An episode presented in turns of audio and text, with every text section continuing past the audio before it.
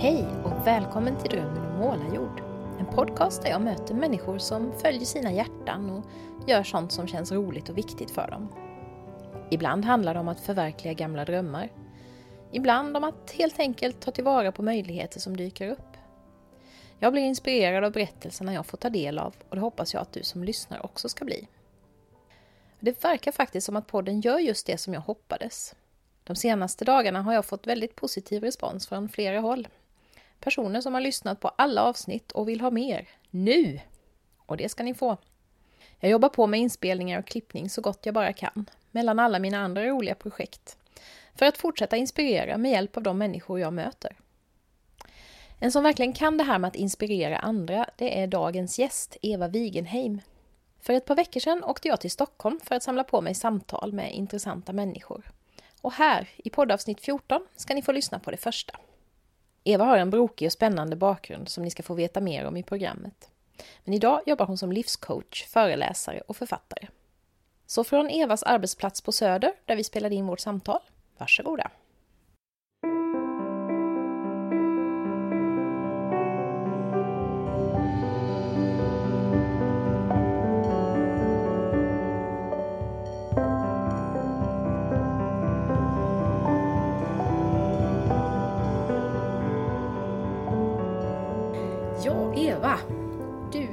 Din presentation om dig själv på webben så här.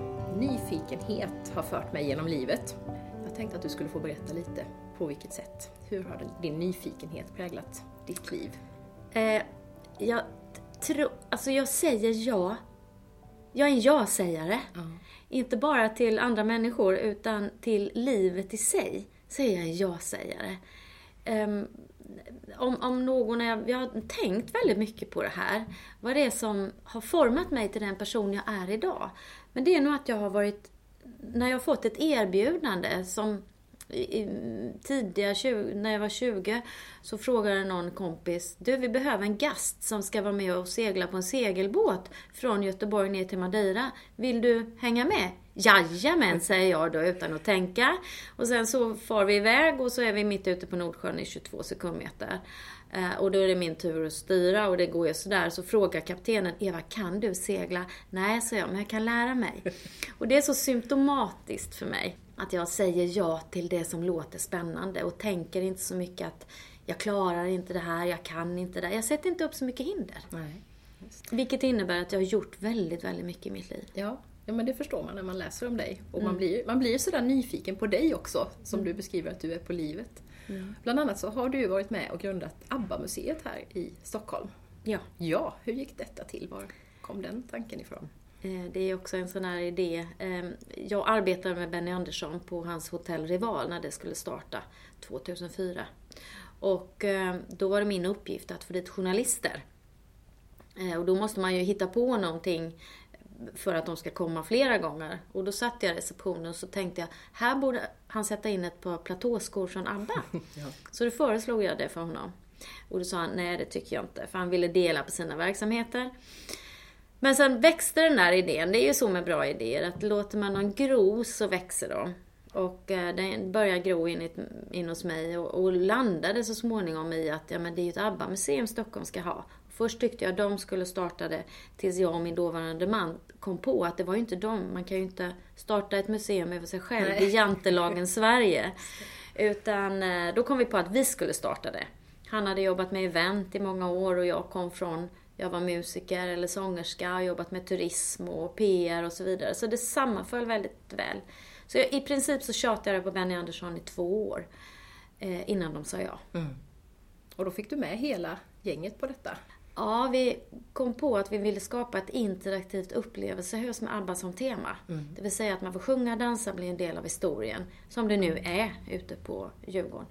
Och det var det de tyckte om. Det var ju många som hade frågat om ett ABBA-museum. Det var ju ingen det var ju ingen unik idé. Men det var på det sättet som vi ville skapa det, som alla fyra sa ja till. Har det blivit så som du tänkte dig? Jag, jag var inte med och slutförde det. Det hände massa saker på vägen. Jag ägde och drev det under tre år. Eh, sen hände det saker som gjorde att vi var tvungna att sälja vårt livsverk. Men det behöver vi inte gå in på så mycket. Sen så tog ju eh, Björn Ulvaeus så småningom över och skapade det här på Djurgården. Och när jag var där på premiären första dagen så visste inte jag så mycket hur det skulle se ut. Men när jag kom ner i det här museet så insåg jag att det var precis det, det museet som jag och min dåvarande man hade skapat hemma vid vårt köksbord. Mm. Så det var en liten rysning faktiskt. Ja, vad häftigt. Mm. Ja, det är så kul det där med att en idé vid köksbordet kan bli någonting stort och verkligt. Ja, idéer är ju till för alla. Ja. Bara man låter dem växa och inte stoppa sig själv eh, med sina egna hinder Nej. och säga att jag kan inte, det går inte, hur ska jag, inte ska väl jag. Om man tar bort allt det där och bara mm. låter de här idéerna växa så vi klarar mycket, mycket mer än vad vi tror. Mm. Just det. Sen har du haft en karriär som sångerska också då. Berätta om det. Eh, alltså sångröst, det är ju något jag är född med. Det är ju en gåva jag fick med mig på vägen. Eh, vilket jag är otroligt tacksam över. Och eh, kan du sjunga så är väl tanken att du ska använda den rösten mm. för att glädja andra. Eh, I min ungdom så trodde jag att jag skulle bli stjärna förstås och försökte satsa på det där. Men jag tror inte den branschen var för mig faktiskt. Den var för hård och för tuff sådär. Men eh, jag lyckades i alla fall bli vald till Årets Talang av Sveriges Folkparker 1985, ja. 100 år sedan. Och då, då var jag med ganska mycket och fick en guldskiva var bland annat i ett projekt som, som eh, var med Cancerfonden. Ja. Så, var du jag, solosångerska då? Eller ja, ja, jag var solosångerska. Och nu är jag ute mycket och sjunger för pensionärer. Ja. Sjunger och spelar och sådär. Det är jättekul. Ja, populärt förstår jag. Eh, en sak som du beskriver på din hemsida det är att du har ju, hade ju väldigt mycket yttre framgång kan man ju säga då med sången och med ABBA-museet och sådär. Men att du kände att det fanns en inre tomhet. Hur gestaltade sig den? Eller hur, hur, mm. hur märkte du det? Mm. Jag tror ju att om man skulle kategori kategorisera mig så skulle man nog säga sökare. Vilket jag tror i och för sig att vi alla är på mm. ett eller annat sätt. Men eh, jag, har ju, jag är ju en entreprenörssjäl. Jag ser ju alltid framåt, vill skapa nytt, jag är kreatör och så vidare. Och det har också varit i mitt inre. Att jag vill utveckla mig själv. Och jag insåg ju efter ett tag att vi, vi, det vi vill ha det är ju att vi vill vara lyckliga och tillfreds inuti. Men det kunde jag inte tillfredsställa med materiella ting. Jag hade ett fint hus, jag hade pool, jag hade bilar. Ja, du vet. Mm. Som man har, som man skapar. Så, va? Men ändå så fanns det ett hål inuti som inte gick att fylla. Jag kände inte... Det, det, det var inget meningsfyllt att köpa en ny soffa till på IKEA. Det, det, den här törsten släcktes inte av det. Mm. Utan då började jag söka på andra håll och, och framförallt började jag söka in i mig själv. På vilket sätt, eh, du kände det här, men började du meditera, gick du kurser? Vad gjorde du för att eh, försöka komma åt den där kärnan inom dig själv eller så? Att komma bort från det här yttre och mer in i det inre? Ja, jag tror att det, det började nog för ganska länge sedan. Jag vet, jag vet exakt när, när jag, det vände. Och jag, mm. eh, jag var hos min naprapat, det här är många år sedan, kanske 20 år sedan. Och då sa jag till honom så här. Jag brukar säga att han är väldigt mycket människa för han har studerat i, i, på Sri Lanka och i Asien och har många häftiga filosofier. Han gick ut och kramade träd. Jag tyckte han var jättekonstig ibland. Men eh, då sa jag till honom så här. Stefan, det, det, måste finnas något mer än det jag ser med mina två ögon. Det måste finnas något mer, sa jag. Ja, gå och köp en bok som heter Själens boning av Gary Zukav. Jag tror inte den finns längre att få tag på. Och det gjorde jag. Och det förändrade hela mitt sätt att se. För plötsligt så insåg jag att vi har både en utsida och en insida. Och att det är insidan, där finns alla svaren på alla våra frågor. Mm. Så därifrån började mitt inre sökande, kan jag säga. Så jag gick på, gick på olika kurser. Jag var på det här hälsohemmet Bara Var uppe mm. i Vikabyn. Och Ehm, ett tag så skulle jag utbilda mig till medium men då kom jag på att nej, jag vill inte jobba med de döda, jag vill jobba med de levande. Mm. Så då utbildade jag mig till livscoach. Och så hade jag i ungdomen utbildat mig till socionom. Jag fattade aldrig varför jag gick den utbildningen men jag förstår det kanske nu. Ja. Sen någonstans när vi hade hållit på med ABBA-museet väldigt mycket, det var ju otroligt eh, intensivt projekt. Och det tror jag alla kan känna igen sig som, som lever i en karriär, att vi jobbar jämt. Vi, vi jobbar när vi sover. Vi, vi, det, allting ägnas åt det här yttre. Vilket gör att man kommer längre och längre bort ifrån sig själv. Och det gjorde jag också. Och jag kom så långt bort från mig själv så jag tappade bort mig själv. Ehm, jag brukar säga att jag, jag skratt, slutade skratta och hade inga färger kvar, så kändes det. Det var som jag var ett tomt skal i den här stressen och pressen. Och eh, för att hitta tillbaka till mig själv, så jag är ju lite gränslös sådär. Jag, jag, jag vill att saker och ting ska gå snabbt. Så det bestämde jag mig för att jag skulle göra någonting jag aldrig har gjort. Jag skulle göra det själv. Jag skulle resa någonstans där jag aldrig har varit. Så långt bort att jag inte kunde komma hem, bara över en dag. Ehm, och så skulle jag bidra till en bättre värld. Och då hittade jag ett projekt i Laos, där jag jobbade som engelsklärare för buddhistiska munkar. Vad spännande. Mm. Hur var det då? Och hur länge var du där? Jag var i Asien i tre månader. Och det var ett volontärprojekt i den här eh, tempelskolan, bland annat. Ja, det var ju en enormt stor upplevelse. Jag brukar säga det, i ABBA-museet då jobbade jag med världens rikaste människor. I Laos jobbade jag med de som inte hade någonting. Och eh, Laos är ett kommunistiskt land. Eh, det finns ingen marknadsekonomi, så det finns ingenting av det vi är vana vid här. Det finns ingen Coca-Cola, ingen McDonalds, ingen 7-Eleven, ingenting av västvärldens multinationella stora företag. Så allting i det yttre tystnade ju. Det, det, alltså, och jag hade, det enda som var känt, det var min musik i min mobiltelefon. Annars var allting helt nytt. Boende, vänner, miljöer, maten. Allt, exakt allting. Så jag var tvungen till att börja höra mina egna tankar. Jag var tvungen till att gå inåt för att hitta någon trygghet någonstans. Och den insåg jag, den finns ju i mig. Men jag hade varit så otrygg i det här trygga samhället som jag, jag levde i. Så att då, då eh, lärde jag mig meditera. Mediterade mycket. Eh, bara att vara i den här miljön med de här fantastiska ungdomarna som munkarna var, var ju väldigt inspirerande och lärorikt. Mm. Var det jobbigt också? Man hör ju ofta människor beskriva just det här när man byter miljö och kommer till någonting som är så annorlunda att man, och börjar lyssna inåt, att, att det kommer jobbiga tankar också. Eller kände du att det, det bara var positivt? Nej, det var skitjobbigt. Allting var ju jobbigt. Bara det att, att äh, tidsomställningen eh, tar ju på kroppen. Och, och sen den här nya maten. Och man är ju magsjuk i princip hela tiden. Um, jag ska inte avskräcka någon, för det, det är väldigt mycket roligt också. Men det, det, tar, det tar otroligt mycket på, på kroppen att göra det här. Och som du säger att det kommer ju saker upp till ytan som du har tryckt ner. Men där, där fanns inget skyddande filter längre som jag kunde trycka ner. För, för det fanns ingen stress kvar. Den yttre stressen fanns inte. Och då, då blommar ju all, alla de här tankarna upp. Men det var ju någonstans det jag ville. Jag ville ju möta mig själv. Och ibland så, man säger så här, jag, jag har tänkt på det mycket, ehm, det, var så, det var så hemskt för jag bröt ihop, säger man ju. Och då har jag tänkt på det att, men det kanske riktigt, vad är det att bryta ihop? Är det att börja gråta?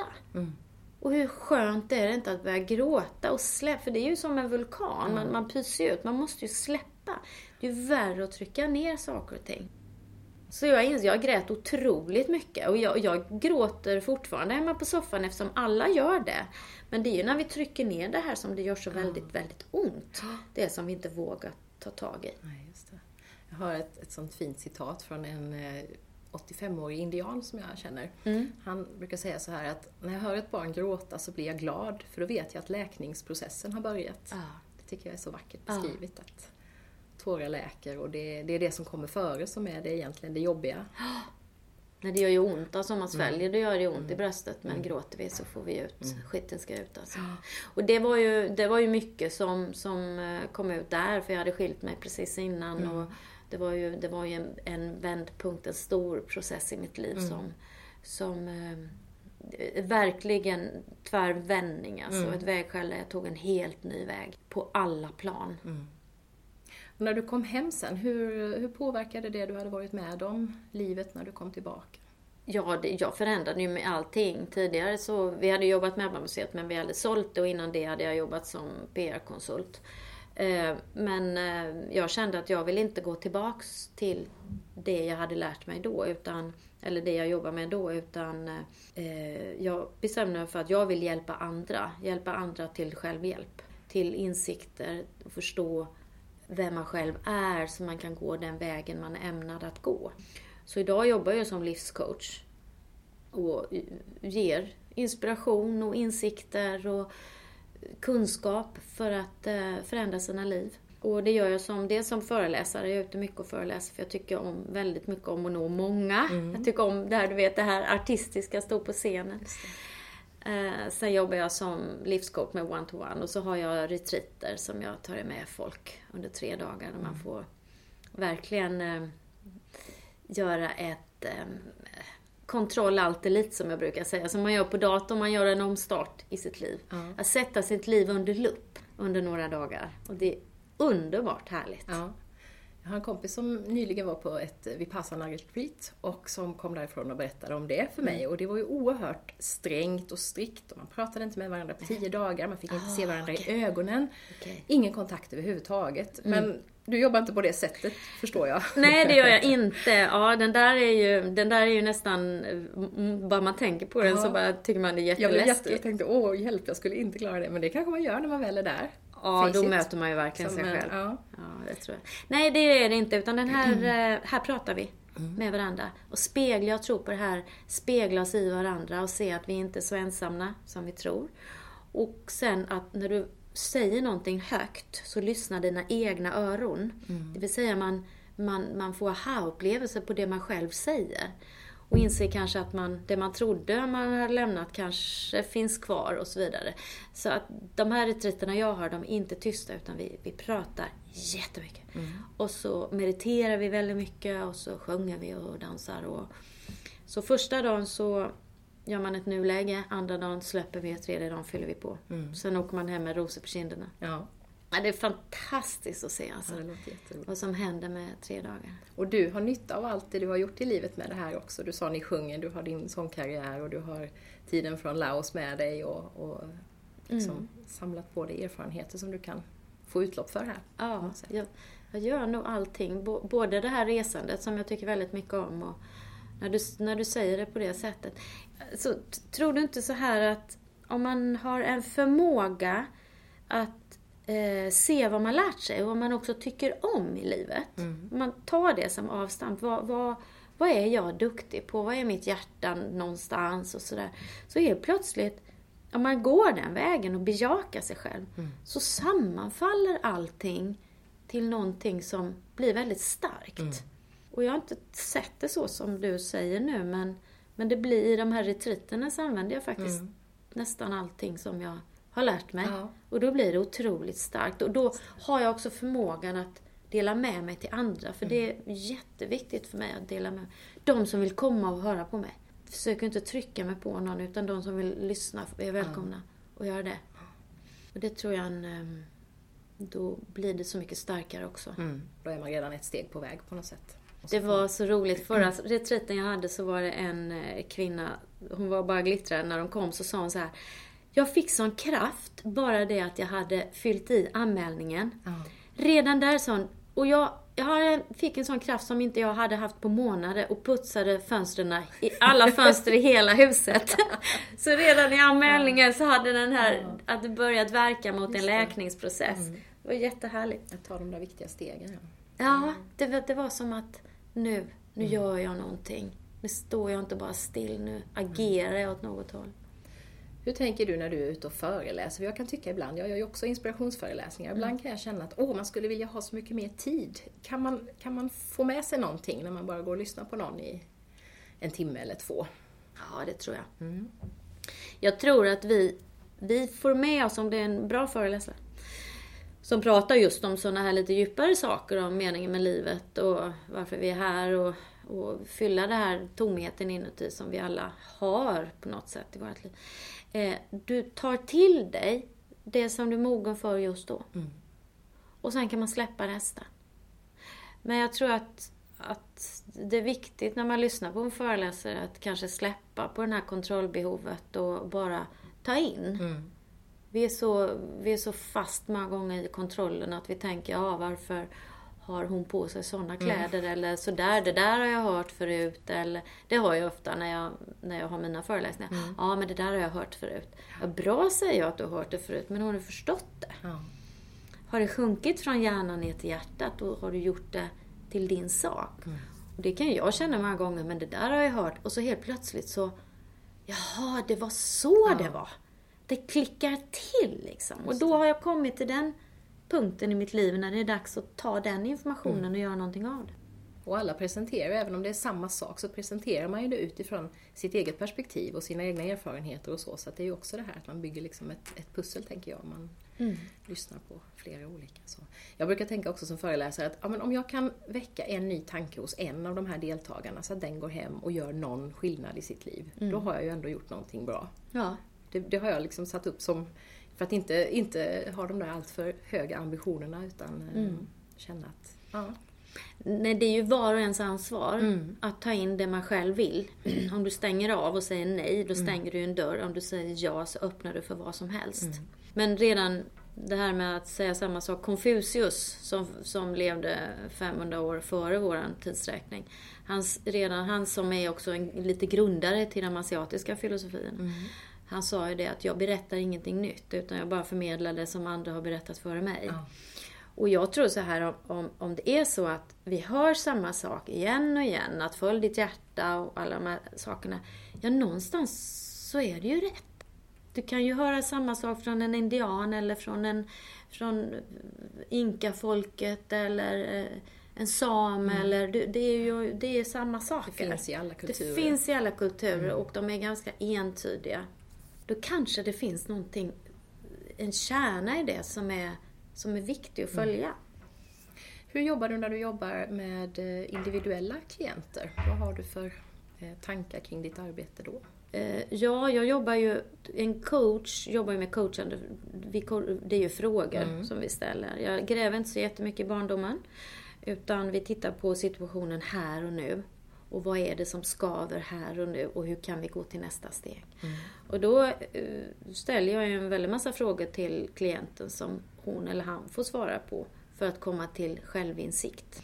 För jag kan ju ge väldigt mycket råd och tankar och sånt här men de brukar, det landar ju inte för man själv har bestämt Nej. sig för det. Så um, det gör jag. Jag, har, jag ska berätta en jätte... Jag hade en, en produkt som heter Tre steg till bättre liv. Där man träffade mig två timmar, tre gånger. Och eh, då fick jag en kille som kom till mig och så sa han så här, jag vill, eh, jag vill ha hjälp, jag vill åka till Arizona. Jaha, så jag, "Va- varför då? Har du varit där? Nej, men jag ska flytta dit, sa han. Jaha, okej, varför då? Nej, jag har sett de här öknarna och där vill jag åka med min motorcykel. Okej, ja, jag behöver hjälp för att strukturera upp allting och så, ja, bra. Det var ju ett bra mål. Det, det var ju väldigt tydligt att göra. så. ehm, ja, när vill du flytta då? Om tre år, sa han.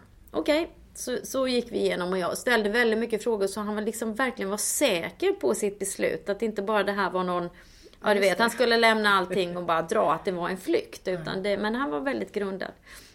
Och så hade han gjort en sån här vision board, det vill säga en önsketal av vad han ville få in i sitt liv. Han hade gjort det i powerpoint-format och på varje sån här powerpoint-bild så var det en kvinna.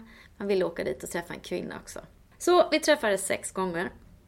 Ett år efter eh, vi hade träffats första gången så åkte han dit på research.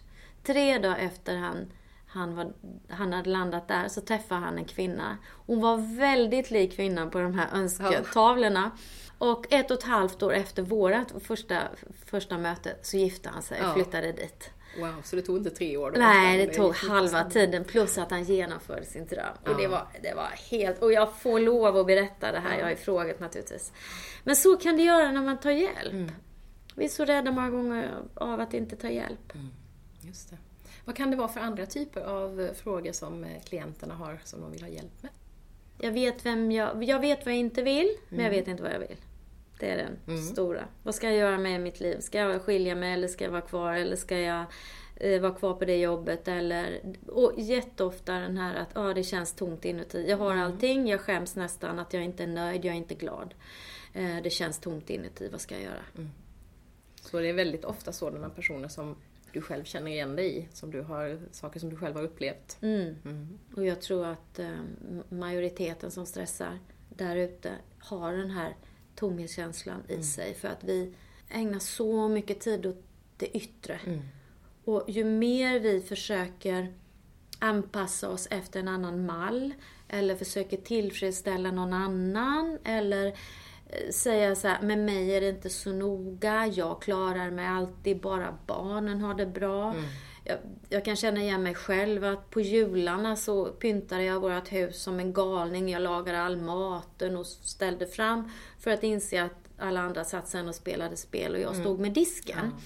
Och, och att åsidosätta sig själv på det sättet är, då, då kommer man långt ifrån sig själv. Då sitter mm. man sen i min soffa och säger jag vet inte vem jag är. Mm. Nej men vad konstigt. Då har jag åsidosatt dig själv i så många år. Mm. Så vi behöver ta tillbaks kraften till oss själva. Det går inte att ge kraft till någon annan om du inte har någon kraft själv. Och det är inte egoistiskt. Det är att behandla sitt liv med klokhet. Och det var någonting som jag läste om dig också. Be the change. Mm. Det ligger väl i detta? Precis. Just det. Jag har tatuerat in det på handleden. Det ja. finns ett eh, Gandhi-citat som heter If you want to change in the world, be the change. Alltså förändringen börjar med dig själv. Det du vill ha av alla andra och i världen. Om vi ska vara stora så, så börjar det i dig själv. Michael Jackson sjöng ju um, It starts with a man in the mirror. Titta, titta på dig själv innan du kan. Livet svarar ju an till oss. Mm. Det du skickar ut får du ju tillbaks. Är. Om du, om du kommer hit till jobbet eh, jättesur och eländig och elak, ja inte möter du många trevliga människor då. Utan det blir ju det du skickar ut får mm. du ju tillbaks. Det, det är kanske också en klyscha, men det stämmer. Mm. Sen, sen eh, kanske livet är orättvist ibland och då får vi väl lära oss någonting av det då. Mm. Men det, livet är ju inte, inte lätt att leva. Nej. Det kan jag inte påstå att det är. Det är inte så att jag vaknar med ett gavskratt varje dag, men jag har en, jag har en, en eh, kärna av um, tillfredsställelse idag som är mycket, mycket starkare än vad den var för fyra år sedan. Jag fladdrar inte längre i vinden, utan jag står ganska stadigt. Och sen kan ytan, kan det bli mycket törnar på utsidan, men jag hanterar livet på ett helt annat sätt idag än vad jag gjorde förr. Och det är ju det det handlar om när man stärker sin insida. Vi kan ju inte, jag kan ju inte göra så mycket åt det stressiga samhället. Men jag kan ju lära människor att hantera det på ett klokare sätt. Det jag jobbar med. Mm. Och en av de sakerna du jobbar med det är ju att lära andra att meditera. Absolut. Ja.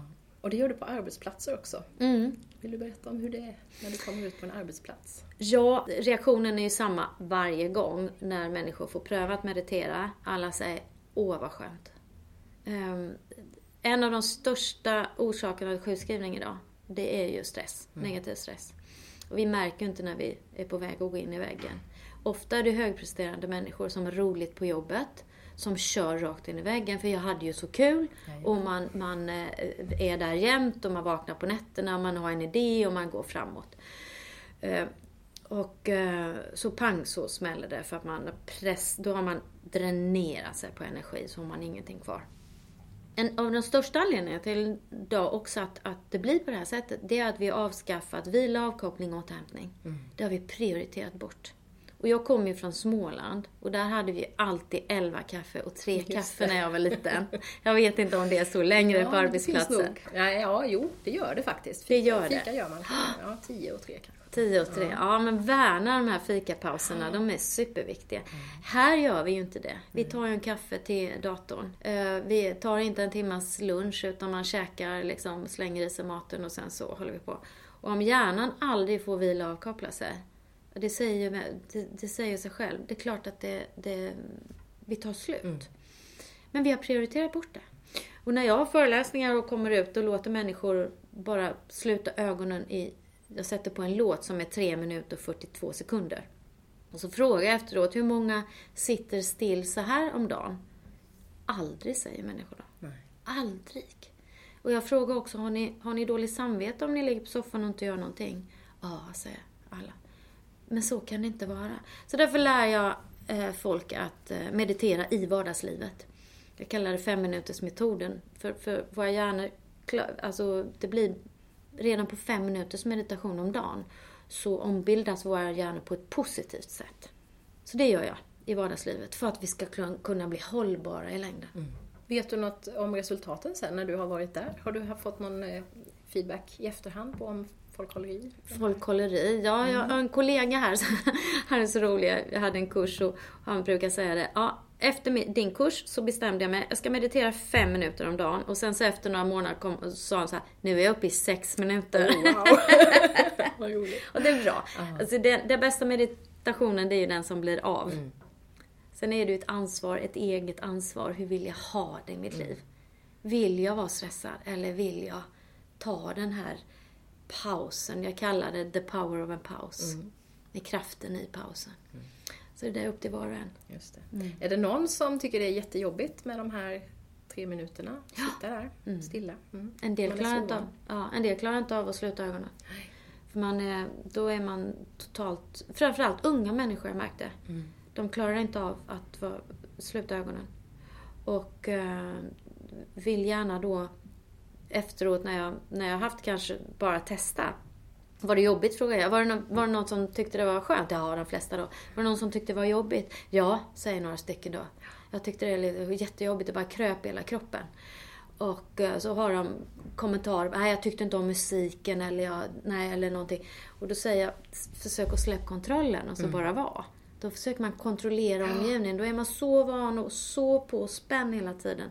Och då har man ju riktig fara för Det är det jag tänker också, att det är ofta de som har, ja, som har minst insikt om vad, ja. var de är någonstans som, som är närmst den här. Mm. Tyvärr är det mycket unga människor idag som, som är jättestressade. Mm. Jättestressade. Jag var ute för tre år sedan och föreläste i skolor för att ge ungdomar självkänsla och inre trygghet. Jag var ute på ett ideellt projekt som jag och en kollega startade. Och det var underbart att träffa de här eh, ungdomarna i sin miljö. Mm. För bara på tre timmar så förändrade vi deras tankesätt och förstå att du behöver inte jämföra dig med andra för att vara, du duger som du är. Mm. Eh, men där mötte vi många som mådde dåligt, mm. såklart. Det är hemskt. Ja, det är jättesorgligt. Mm. Eh, du var inne på det här ideella engagemanget, det har du ju en hel del, har jag förstått. Eh, mm. Gjort en hel del genom åren. Hur, hur tänker du kring det? Vad ger det dig? Vad ger det världen? Hur resonerar du kring det ideella? Ja, någonstans så drivs jag av idéer. Jag drivs inte av det ideella. Jag drivs av idéer att det här vill jag göra. Mm. Um, det här tror jag på. Och som egen företagare då så blir det ibland ideellt, vilket inte är bra egentligen. Att man, man, man, eh, man dränerar sig ibland också mm. som egen företagare också för att jag tror på så här. Men jag har, en, jag har en tanke att ju mer jag ger desto så småningom kommer jag att få det tillbaks. Det kommer att gynna mig också. Mm. Eh, och, och, jag tycker så att de här frågorna som livskunskap, hur ska vi leva för att bli mm. hållbara? Vilka, vilka tampar kan vi hålla oss i för att klara av det här livet? Om jag har hittat de nycklarna i mitt liv så vill jag gärna dela med mig till mm. andra. Och då tyckte jag ju som skolungdomar var ett alldeles ypperligt eh, så länge de sitter mm. på skolbänken Visst. når vi ju dem. Eh, så där var vi ute efter sponsorer när vi körde det. Vi kallade det Love Tour, om att, om att eh, älska sig själv. Nu ligger det lite på is, men och ger jag det lite energi så kanske man kan få sponsorer som kan hjälpa oss att mm. komma ut skolorna igen och dela med oss av den här mm. kunskapen. För det är en sån törst ja. i samhället. Precis, jag tänker också det att börja i skolan, att få med sig någonting redan när man är barn ja. och, och, ha med sig det hela livet sen. Mm. Ja, precis. Så du, du, på några timmar så kan du förändra människors mm. liv till det bättre. Ja. När jag var bland munkarna, det var också ett ideellt, det var ett mm. volontärarbete. Men det var också det var en möjlighet för mig att komma ut i världen. Mm. Så det, mm, jag drivs av idéer, drivs av tankar, drivs av det jag, jag själv vill utveckla mig i. Mm. Och dessutom kunna bidra till andra. Ta med mig all den kunskapen som jag har på något sätt. Mm. Jag har pratat om att du är Alltså du är bra på att lyssna inåt och ta hand om dig själv. Men mediterar du varje dag? Alltså hur ser ditt eget liv ut för att vara hållbar idag? Mm. Eh, jag försöker meditera varje dag. Det blir inte så varje dag. Men eh, mitt liv, min dag blir helt annorlunda när jag börjar med meditationen. Mm. Jag kanske sitter, ibland sitter jag fem minuter, ibland sitter jag en halvtimme. Jag vet inte. Man behöver inte göra det speciellt krångligt. Sen eh, tillåter jag mig att vila. Jag tillåter mig att ligga och bara läsa en bok. Eller titt, slötitta på ett skitprogram på TV eller ja, men så. Att inte skuldbelägga mig för det, man får så mycket man får så mycket utifrån i alla fall. Men eh, ta hand om mig själv och säga att jag är okej som jag är och jag behöver den här tiden ibland. Jag är mycket ute i naturen. Naturen ger kraft. Läser mycket den här typen av, av eh, inspirerande böcker som handlar om hur du, hur du kan vara. Jag läser om massa böcker för att, och jag inser det att jag kan läsa en bok tre gånger och så snappar jag upp nya saker varje gång. Alkemisten, Paolo Coelho till exempel, den har jag läst fem, sex gånger och varje gång hittar jag någonting nytt som passar i mitt liv just då. Det är jättespännande. Sen får ju jag så mycket, när jag har mina retriter till exempel. Det är ju, det, det är ju tufft att vara, vara ledare för man måste ju vara på tå hela tiden. Men jag får ju så mycket tillbaks av människorna jag möter. Det är både givande och tagande. Och det fyller mig otroligt med kraft och energi. Ja, härligt. Ja, det har jag haft lite som ett mantra att jag ska fokusera på de aktiviteter som ger mer energi än de tar. Och det kan ju se väldigt olika ut för olika människor men hittar man dem, de grejerna så, så löser sig det mesta. Ja, man ska ju inte göra det man tycker är tråkigt, eller hur? Man måste ändå göra bokföringen. Den Ja. är astråkig, det räcker med den liksom. Det, var, jag tog det beslutet förra året för då hade jag, jag sätter upp ett ledord för varje år. Och Förra året var det lust och då Mm. Ja. använde jag lusten just för att guida mig i olika beslut jag skulle ta. Och, sådär. Mm. och då var ett av besluten, nej nu släpper jag bokföringen. Mm. Nu ska jag faktiskt lämna bort den. Jag har egentligen inte råd men, men jag kände det att nej jag ska frilägga den tiden till att fokusera på det som, som ger mig energi. Det tycker Mm. jag är bra ibland. Och ha något sånt där lite i bakhuvudet som man kan återvända till och ta hjälp av när man står inför olika vägval. Mm. Sådär.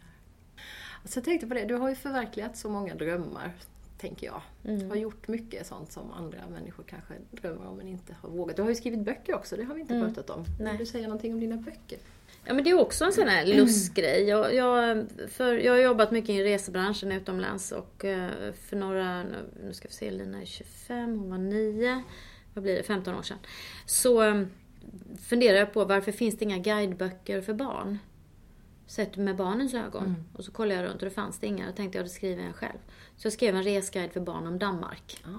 Så vi reste runt, jag och min nioåriga dotter då, i hela Danmark under tre veckor. Och så samlade vi massa information och sen så skrev jag en saga om henne. Och den fick jag utgiven på Bonniers. Så det var ju super, superkul.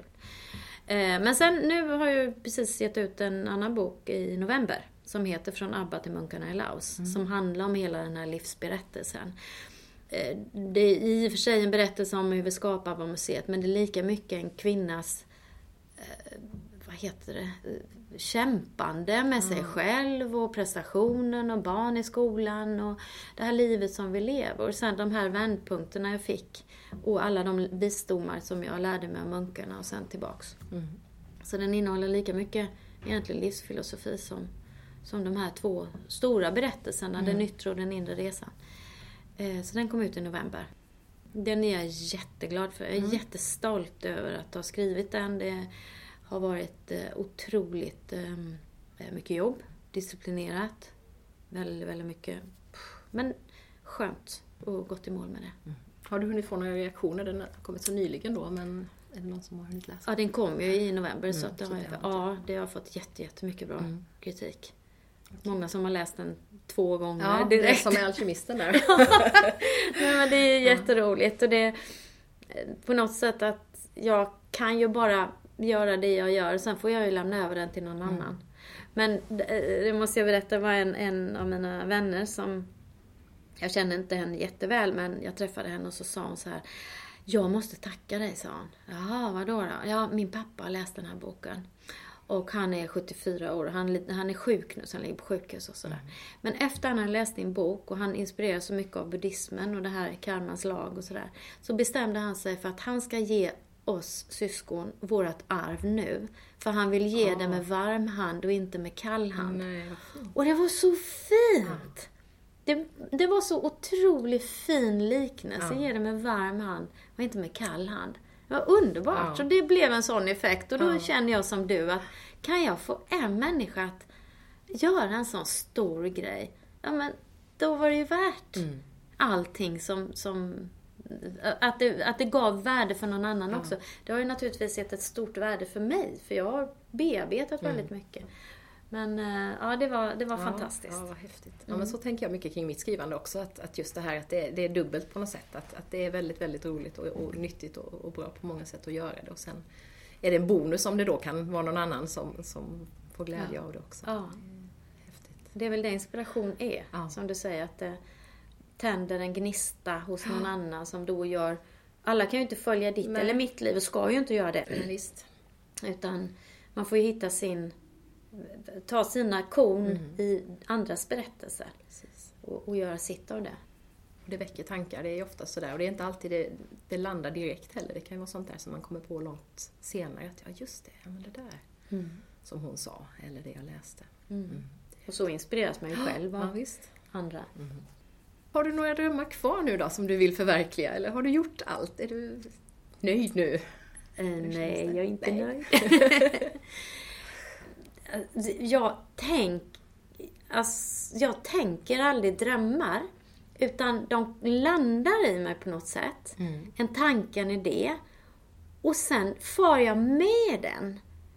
Förstår du vad jag menar? Att jag har liksom inte sant, åh när jag som när jag var ung, en del hade ju så ah, när jag är 30 då ska jag vara miljonär och utbildat med det och det och det. Jag har aldrig haft det. Nej.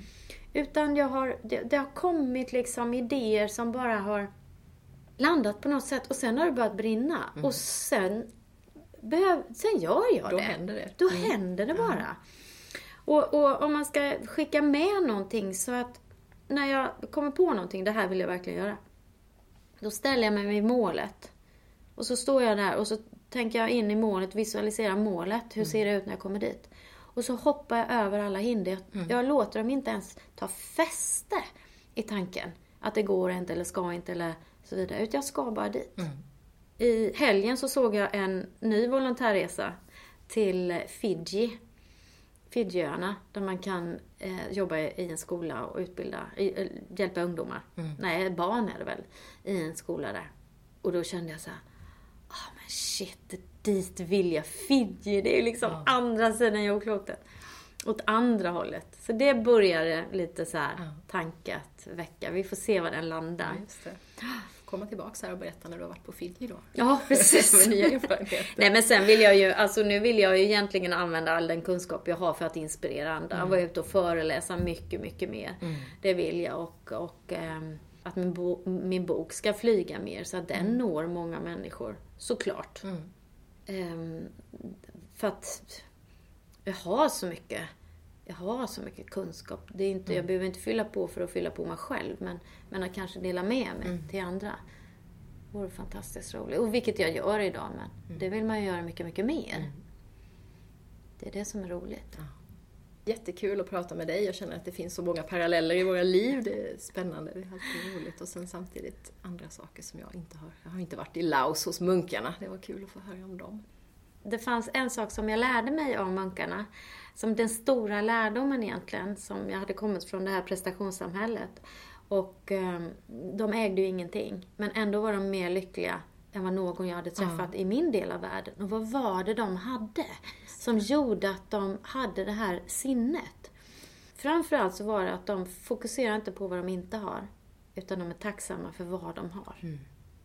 Och kan vi ändra det fokuset så förändras också vårt liv. Det var den stora grejen jag lärde mig av munkarna. Tack så jättemycket för den visdomen och tack för att du ville vara med i podden. Tack så jättemycket för att jag fick vara med. Och lycka till nu med dina framtida projekt, Fiji eller vad det nu kan Ja, vi får se vad det händer.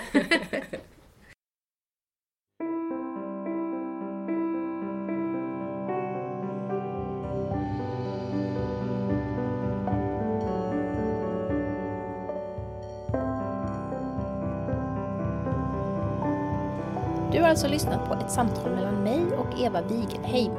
Och du kan läsa mer om henne och hennes fina bok Från ABBA till munkarna i Laos på www.evavigenheim.se.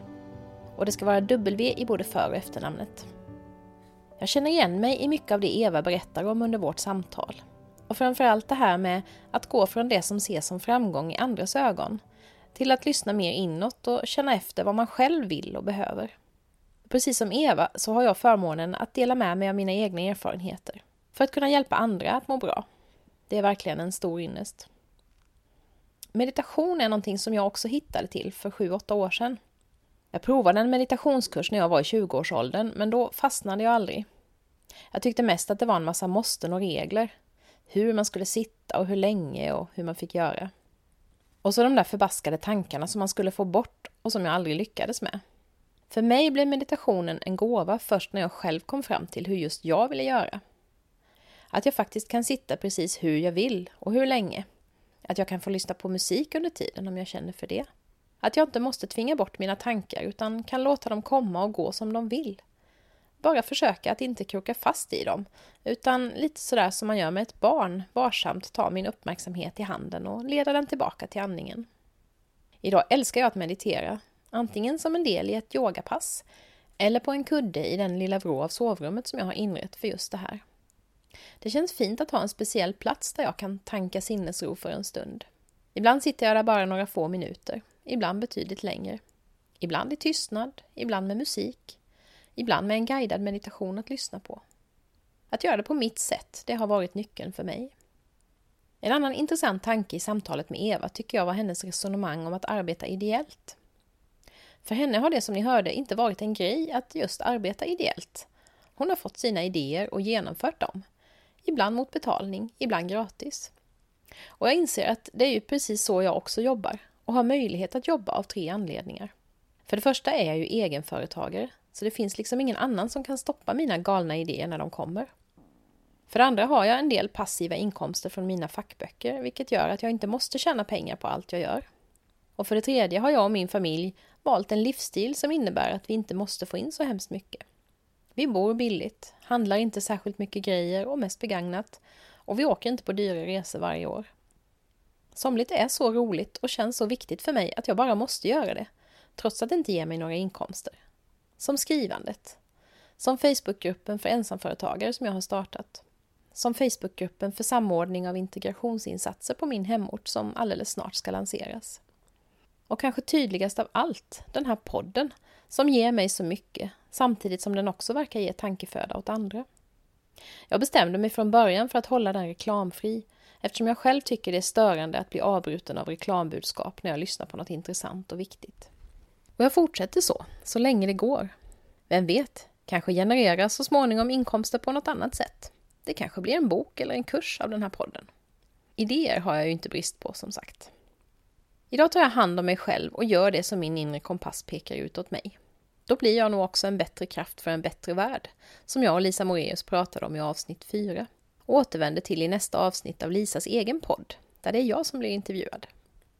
Jag skulle vilja avsluta med ett citat från min Youtube-yoga-guru Adrian Mishler.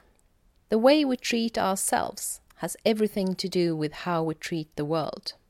Tack för att ni har lyssnat och var rädda om er. Vi hörs snart igen.